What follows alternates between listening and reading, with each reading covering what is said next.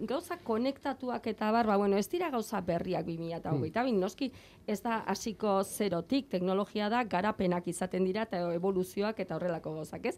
Eta horietako bat izango da itzeiten jarraituko dugu, ba, gauzen interneti buruz justu mm -hmm. hitz egiten e, ari ginen horri buruz, ez? Edo zein tramankulu etxerako eta monitorizatzen du zerbait. Ba, guain, e, 2008 batean oso oso asko erabilida Alexa eta mota horietakoak, ba, bueno, esaten genuen alen, ez genuela hitz egin behar makina batekin, orain jende asko ikusten duzu, ba, e, Alexa, ba, piztu argia, edo Alexa jarri musika, edo deitu telefonoz, eta bat. Ba, horren garapentxo bat, e, baita Amazonena eta hori horren evoluzia astro izan liteke. Mm Eta jartzen mani bedezue, Begiratzen mani maizue interneten eta hori ikusiko duzue, hola, e, robot txo bat dala, pantalla batekin, eta begitxo batuekin, ez? Bi zirkuloko nirola zuri begira egongo balitz bezala.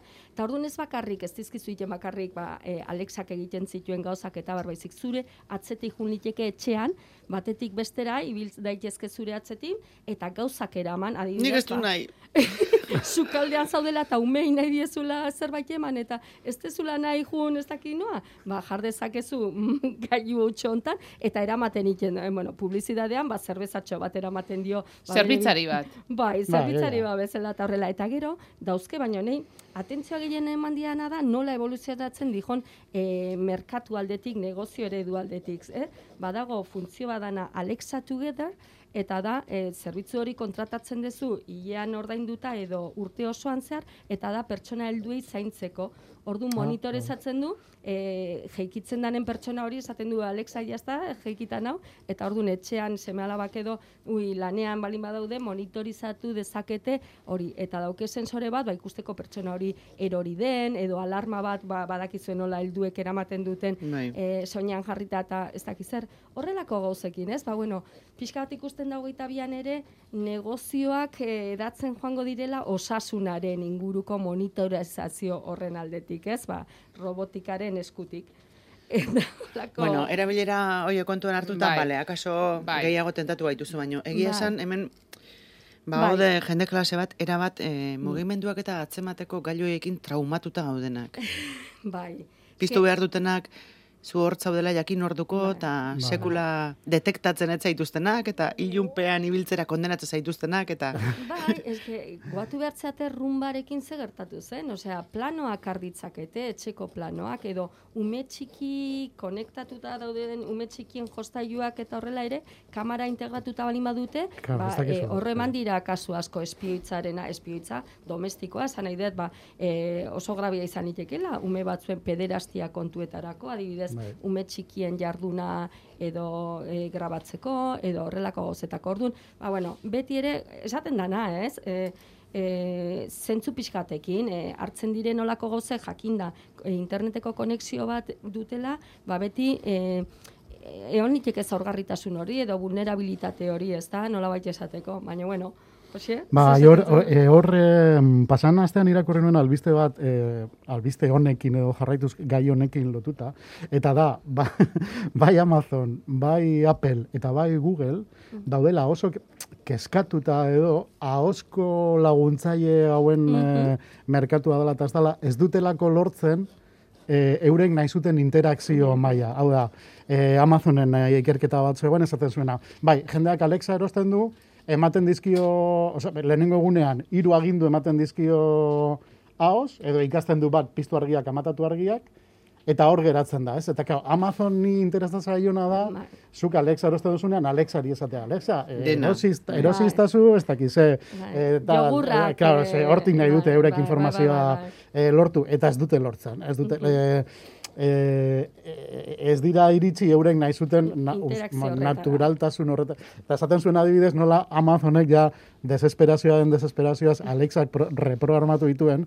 Eta orduan gaur egun antzan nik ez etxean, baina normalean, mm -hmm. e, ematen du, zuk Alexari esaten badiozu, Alexa, amatatu argiak. Alexa amatatzen du argia, eta zadizu, bakizu gainera argia amatatzeaz gain kapasana zela, auta, auta, auta, auta, auta, egiteko. Hori, nuka aguantatuko nik. Da, ala ere, jendeak eh, jarraitzen duela biru...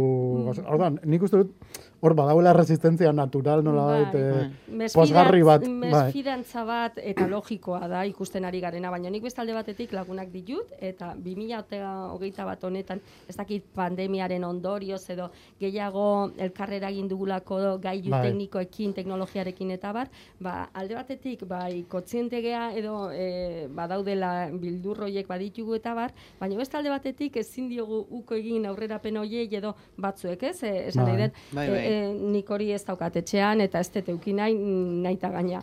Baina bai, e, em, esan nahi dut, gertuko kasuak ikusi dituala eta atentzioa eman didala. Bai, baina honek esate zuten, Amazonek esate zuen hau, zan, beldur edo resel horretatik aragoko bai.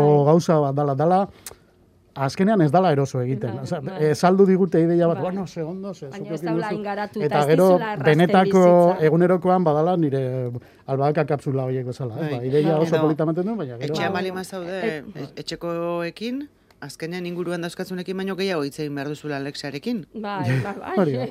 Bueno, gainera hor... Bueno, batzuk horretarako nahi izaten dituzte, eta ikertuta dago, badaude ikerketak esaten duenak, eragin positibo bat izan mm, dezaketela bai. robotek edo chatbotek edo ba, bakarrik dauden pertsonentzat. Orduan, hor beti dago muga, bai, erabilera, oreka, bai. esan, e, pixka bat bai, hori, norberaren bai. baldintzak. Bai. bai. eta beste bat, igual aurrera egiteko eta hori, ba, bueno, beste gauza bat itzen behar duguna den, boa guztin hogeita bian da, justu guantxe esaten egan ziberre erasoak, e, izan dira e, pila bat, pila bat, pila bat, e, zaten du igo diela, e, Espainia da irugarren tokia, e, munduan, estatu batuak eta Alemaniaren atzetik, ba, eraso gehien dagoen tokia. Orduan, e, hemen ingurun eta horra al inguruan ere, ba, ba badaudela olako erasoak eta denak ikusi ditugu ez.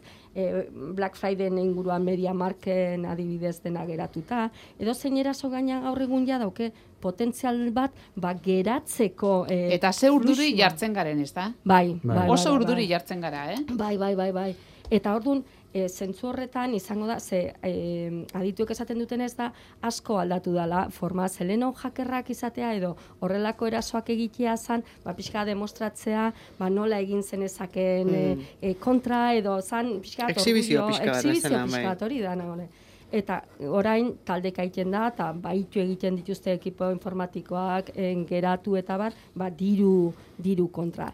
Eta horren inguruan bi gauzatxo oso oso e, hementxe daudenak die, e, pasaitzi gabeko autentifikazioa e, etorriko dala, e, ja, ba, hainbeste pasaitza seguru, pasait seguruak erabili behar direla eta ez direla, baina e, oso erraza da hoiek e, ba, e, atakatzea edo eraso egitea eta eta datuak eta ostea, eta orduan bat datu biometrikoetan eta barba, eta gero eta gehiago mugikorrarekin, e, ezakit konturatu zeaten, baina guain ja, iaia dena edozen gauza egiteko zure etxeko ordenagailutik kanpo, eman behar diozu mugikorrarekin e, bai, baiestapen bai. hori. Ba hori, pixkanaka, pixkanaka sartu zaigu, konturatu gabe ez, eta Orduan, ba, bueno, badaude horrelako ba, zifratze homomorfikoa, ba, beste modu bat zifratzeko informazioa, e, datuak eta horrela ba, modu seguruagoan ibilializateko edo aztertualizateko. Ba, bueno, horren bueltan asko hitz egingo da baita. Bai.